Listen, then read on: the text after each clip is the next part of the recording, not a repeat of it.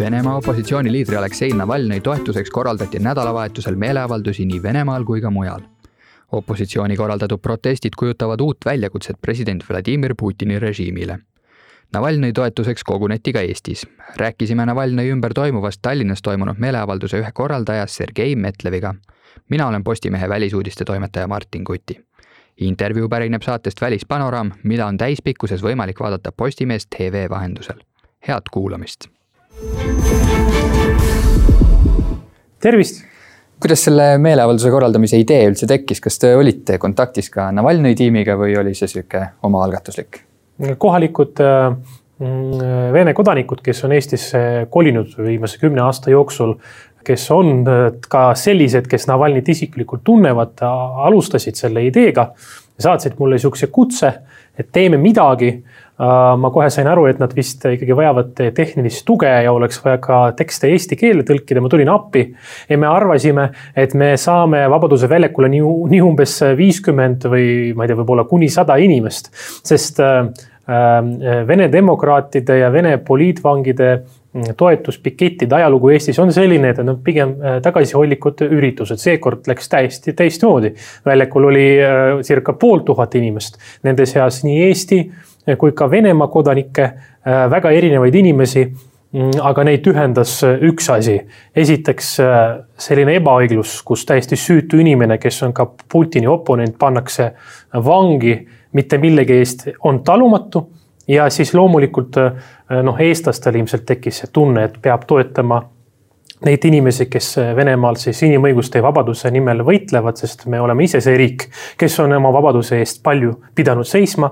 aga Vene inimeste jaoks, kes Eestisse on kolinud viimase kümne aasta jooksul, nagu nad ise ütlevad, vot see oli selle seadusetuse ja täieliku ebaõigluse vastu astumine no Navalnõi toetaja Leonid Volkov kutsus venelasi üles nüüd pühapäeval uuesti tänavatele tulema, mis on teie plaanid? Kas tuleb ka uus meeleavaldus? no tuleb arvestada sellega, et äh, loomulikult äh, Venemaa saatus on venemaalaste enda kätes ja tegelikult loomulikult me saame aru, et Putini režiim äh, teeb midagi vastumeelselt oma seisukohtadele ainult siis, kui neid päris kõvasti survestatakse, nii et see väljaspoolt Euroopast tulev surve on oluline sanktsioonid ja nii edasi, aga samas muidugi see, mis seest tuleb, see surve on kõige tähtsam. nii et äh, Eestist äh, me näitasime möödunud laupäeval, et siin on palju inimesi, kes on valmis igatipidi olema toeks aga ma ei arva, et me peame sünkroonselt äh, Venemaaga iga laupäev tänavatele välja tulema no me nägime kõik neid kaadreid nädalavahetustel, mis Venemaal toimusid kümned tuhanded inimesed rohkem kui sajas linnas tulid tänavatele. mida need meeleavaldused meile täpsemalt nüüd räägivad olukorrast Venemaal? mitut asja, sest esiteks seal on äh, ära tulnud mitu halba rekordit mm, üle kolme tuhande inimese olid kinni peetud üle Venemaa. Äh, siis üks kodaniku siis ühiskonna organisatsioon, kes neid üritas siis äh, lugeda kokku, ütles seda, et see on rekord, varem ei ole ühe päeva jooksul äh, siis meeleavaldustel üle, üle riigi nii palju kinni peetud. teine asi on muidugi see, et äh, üle maailma ma täpselt ei mäleta, see oli mingi nelikümmend pluss linna ja Venemaal sada kaks linna siis protestisid. see on ikkagi väga suur mastaap, et arvestades sellega, et tegemist on Äh, tegemist on äh, meeleavalduste lainega, mis on seotud esiteks ühe inimese saatusega, kes on Putini oponent ja korruptsiooni paljastaja. ja teiselt poolt on näha, et selle isiku Navalnõi ümber on koondunud veel väga palju erinevat pahameelt, mis äh, Vene inimesi igapäevaselt ka nende olmelises elus jälitab ja mille juured on muidugi selles poliitilises süsteemis kas usud, et tegu on praegu Vladimir Putini valitsemisaja kõige kriitilisemate hetkedega ja kas ta kardab seda, mis, mis praegu toimub? kõige kriitilisemate hetkedega tegu ei ole, sellepärast et ärme unusta seda, et ähm, Putini baasiks olev äh, Nõukogude noh, niimoodi üldistatult Nõukogude elukogemusega mitte Sankt-Peterburi ja mitte Moskva elanik, selline koondkuju Neid selliseid koondkujusid on endiselt väga palju miljoneid Venemaal. ja tuleb arvestada sellega, et Putinil on päris lojaalne siis toetajaskond ka igasugustes riigistruktuurides ja eliidis. seetõttu ma pigem panustaks, et kriitilised hetked tulevad siiski kaks tuhat kakskümmend neli, kui on presidendivalimised ja me ei tea, mis selleks ajaks, selleks ajaks saab Navalnõist ja Venemaa ühiskonnast ja majandusest. küll aga on täheldada seda, et sisemine pinge ja, ja hirm Vene siis juhtkonnas kasvab, sest nad üritasid kasutada kõige nõukogude aegsemaid survemeetodeid selleks, et mitte lasta noori tänavatel. ülikoolides tehti erakorralisi õppepäevi laupäeval. koolides anti käsk mm, kooli juhtkondadele saata lapsevanematele sõnumeid, sõnumeid, et pange lapsed luku taga. ähvardati just neid, kes kutsusid noori protestima on tunne seda, et mm, FSB siis mm, sotsioloogilised uurimused, mis pidid olema väga täpsed, ütlevad, et ähm, niimoodi ütleme piltlikult öeldes kolmkümmend viis ja nooremad venemaalased on ilmselt pööramas Putinile täielikult selja jah, aga et siis üldiselt me ei saa veel rääkida, et, et ühiskond oleks nii-öelda saanud Putinist küllalt ja nüüd on, nüüd on kõik, nüüd on revolutsioon. ei saa öelda, kõik indikaatorid ütlevad, et see võim on tugev, et tal on väga palju ressurssi. tal on ka teatud sees riigis moraalset autoriteeti veel.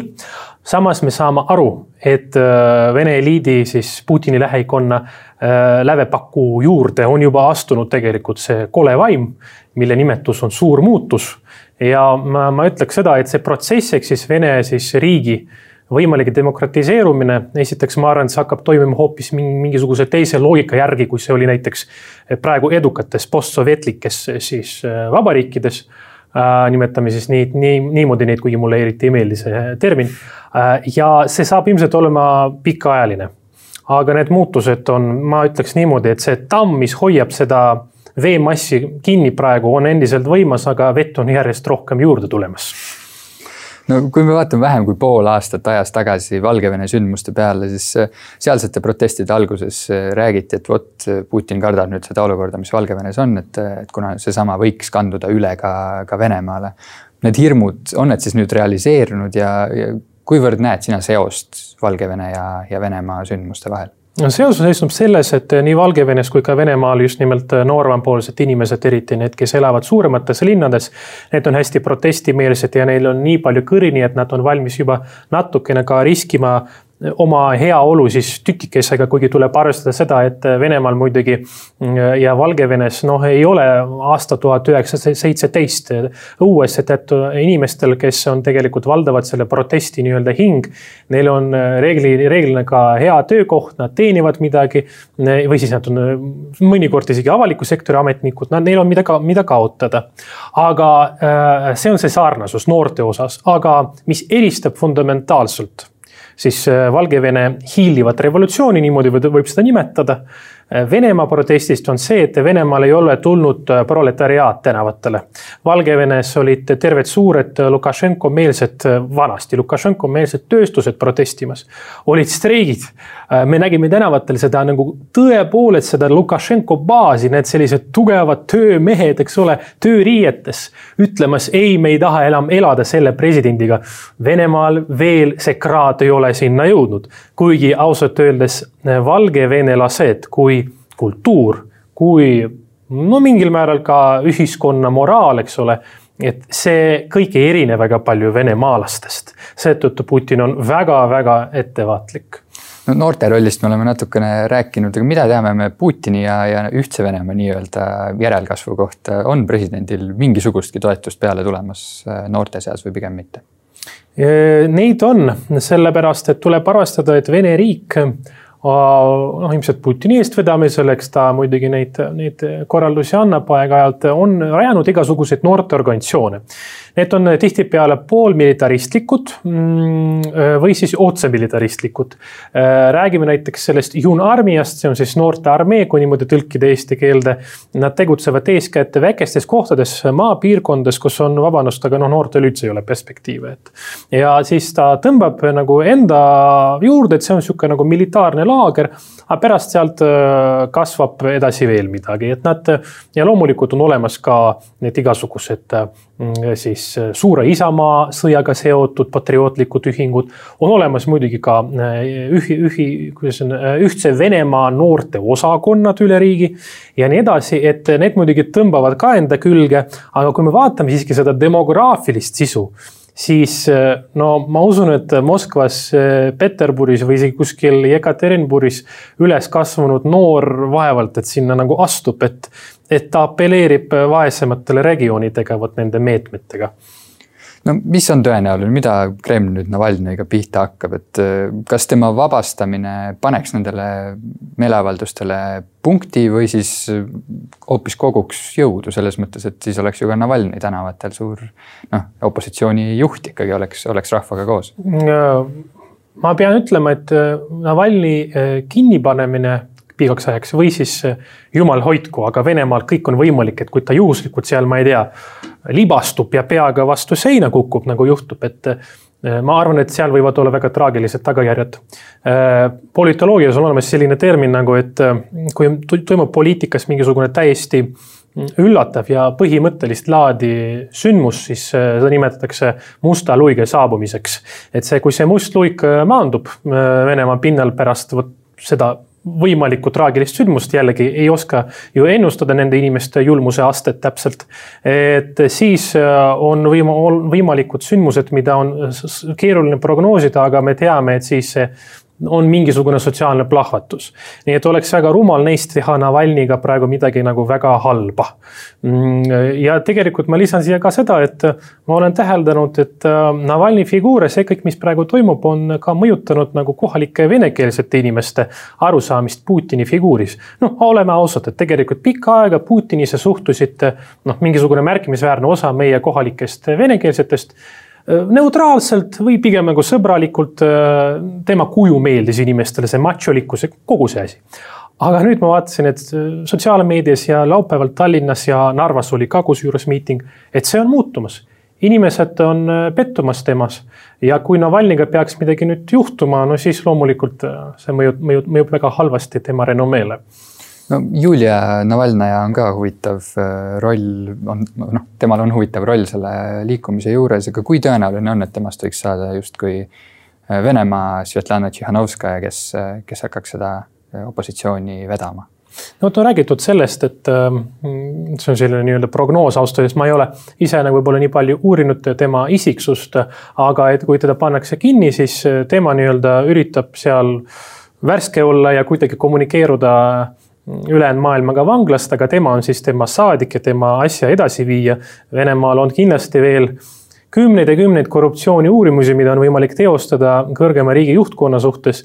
et see Putini loss, ma pean ütlema, et see on nüüd äh, folkloor, sellepärast et selle ümber juba Vene meedias on äh, uued lood, laulud, äh, sketšid ja, ja eriti Vene inimesi huvitab see, et mis asi on ikkagi see akvadiskoteek et see on väga tähtis teema nüüd ja, ja tegelikult see, kui võimu üle hakatakse siiralt südamest nalja viskama, naerma, siis me mäletame seda, et Nõukogude Liit hakkas tasapisi lagunema siis, kui Brežnevist hakkasid ilmuma täiesti armetud anekdoodid, mida ennem sellise, sellisel kujul ei olnud. nii et kui, äh, kui tema, tema abikaasa äh, saab jätkata, kujutame ette, et ta pannakse vangi ja ta jõuab seda välja vedada, siis võib öelda, et äh, Navalnõi asjal äh, on mitu pead ja isegi kui sa ühte korraks maha võtad, siis ei aita no Putini paleest me natukene nüüd rääkisime, tema kohta on ju aastate jooksul igasuguseid asju avaldatud, kõike on väidetud. ja ilmselt on väga vähe neid, kes arvaksid, et ta nüüd aus mees on. aga miks, miks just see palee sedavõrd äh, suureks läks, et kogu riik sellest räägib ja pool maailma sellest räägib. no vot, me ka, ma ka mõtisklesin siin mõne tuttavaga, kes Venemaa oludega on hästi kursis, kes on seal terve elu elanud ja siis tegelikult no esimene küsimus, mis tekib, et mida sellel ülivõimsal inimesel nagu veel vaja on, eks ole, et milleks on vaja läbi selliste keeruliste skeemide kokku krabada kogu see raha ja ehitada selliseid asju endale et võib nagu tekkida siit küsimus, et kas tõepoolest noh, et kas see siiski on tema oma. no see muidugi Navalnõi uurimus on väga veinev ja, mul on sihuke siiski arusaamine, et kuna Putini eliit, kõik, mis seda ümbritseb, on siiski kollektiivne looming, seal on julgeolekuorganid, seal on oligarhid, seal on igasugused ringkonnad, kelle jaoks Putin on siis selline ühendav figuur, moderaator ja kogu selle nii-öelda kassa kooshoidja. ja kui me kujutame ette mis on Putini noh, pikem plaan, siis ma kujutan ette, kui ta reaalselt hakkab vananema ja põduraks muutuma ja see kollektiivne süsteem, mille osa ta on, hakkab otsima uut inimest, sest on füsioloogilised piirangud igal presidendil, eks ole. siis ta saabki sinna minna ja elada seal oma sellel poolsaarel äh, ilusat kaitstud elu lootusega, et süsteem tegelikult jätkub samamoodi ja tema on kaitse all. hiljuti võttis Riigiduuma vastu seaduse, mille alusel äh, endised presidendid on puutumatud. Neid ei saa kohtu alla anda ega kuidagimoodi siis nende üle kohut pidada. ma arvan, et see on see skeem, ta hakkabki seal nautima vanaduspõlve enda siis illusioonide kohaselt, mis tegelikult saab tema tulevikust, keegi ei tea no lõpetuseks vaatame korra otsa ka lääneriikide tegevusele, et Josep Borrell teatas, et tema kavatseb ikkagi äh, Moskvasse külla sõita. on see praeguses seisus õige või mitte? no see on klassikaline Lääne-Euroopa diplomaatia, mille, mille põhiprintsiip on see, Venemaaga võib minna väga hapuks, ta võib olla väga jultunud, aga me siiski räägime alati, meil on alati kanalid, me oleme võimelised kohtuma, me saatma meie kõrgeid esindajaid ja ei karda seda. ma saan aru sellest loogikast ja tegelikult äh, suhtlemise täielik puudumine on äärmiselt ohtlik, arvestades sellega, et tegemist on siin regionaalselt siiski ka sõjalise jõuga aga praegu pärast kõiki neid peksmisi, inimeste vangistamist, Navalnõi vangistamist, ma arvan muidugi, et poliitiliselt oleks sümboolne see, et kui äh, kõrge Euroopa Liidu esindaja loobuks praegu sellest visiidist aga tundub, et ta siiski võttis sellise hoiaku, et ma lähen sinna ja siis ütlen näiteks kolleeg Lavrovile otse, milline on Euroopa Liidu mm, siis arusaam asjast ja loomulikult Euroopa Liit mõistis hukka neid äh, siis äh, tegusid. suur aitäh selle vestluse eest. aitäh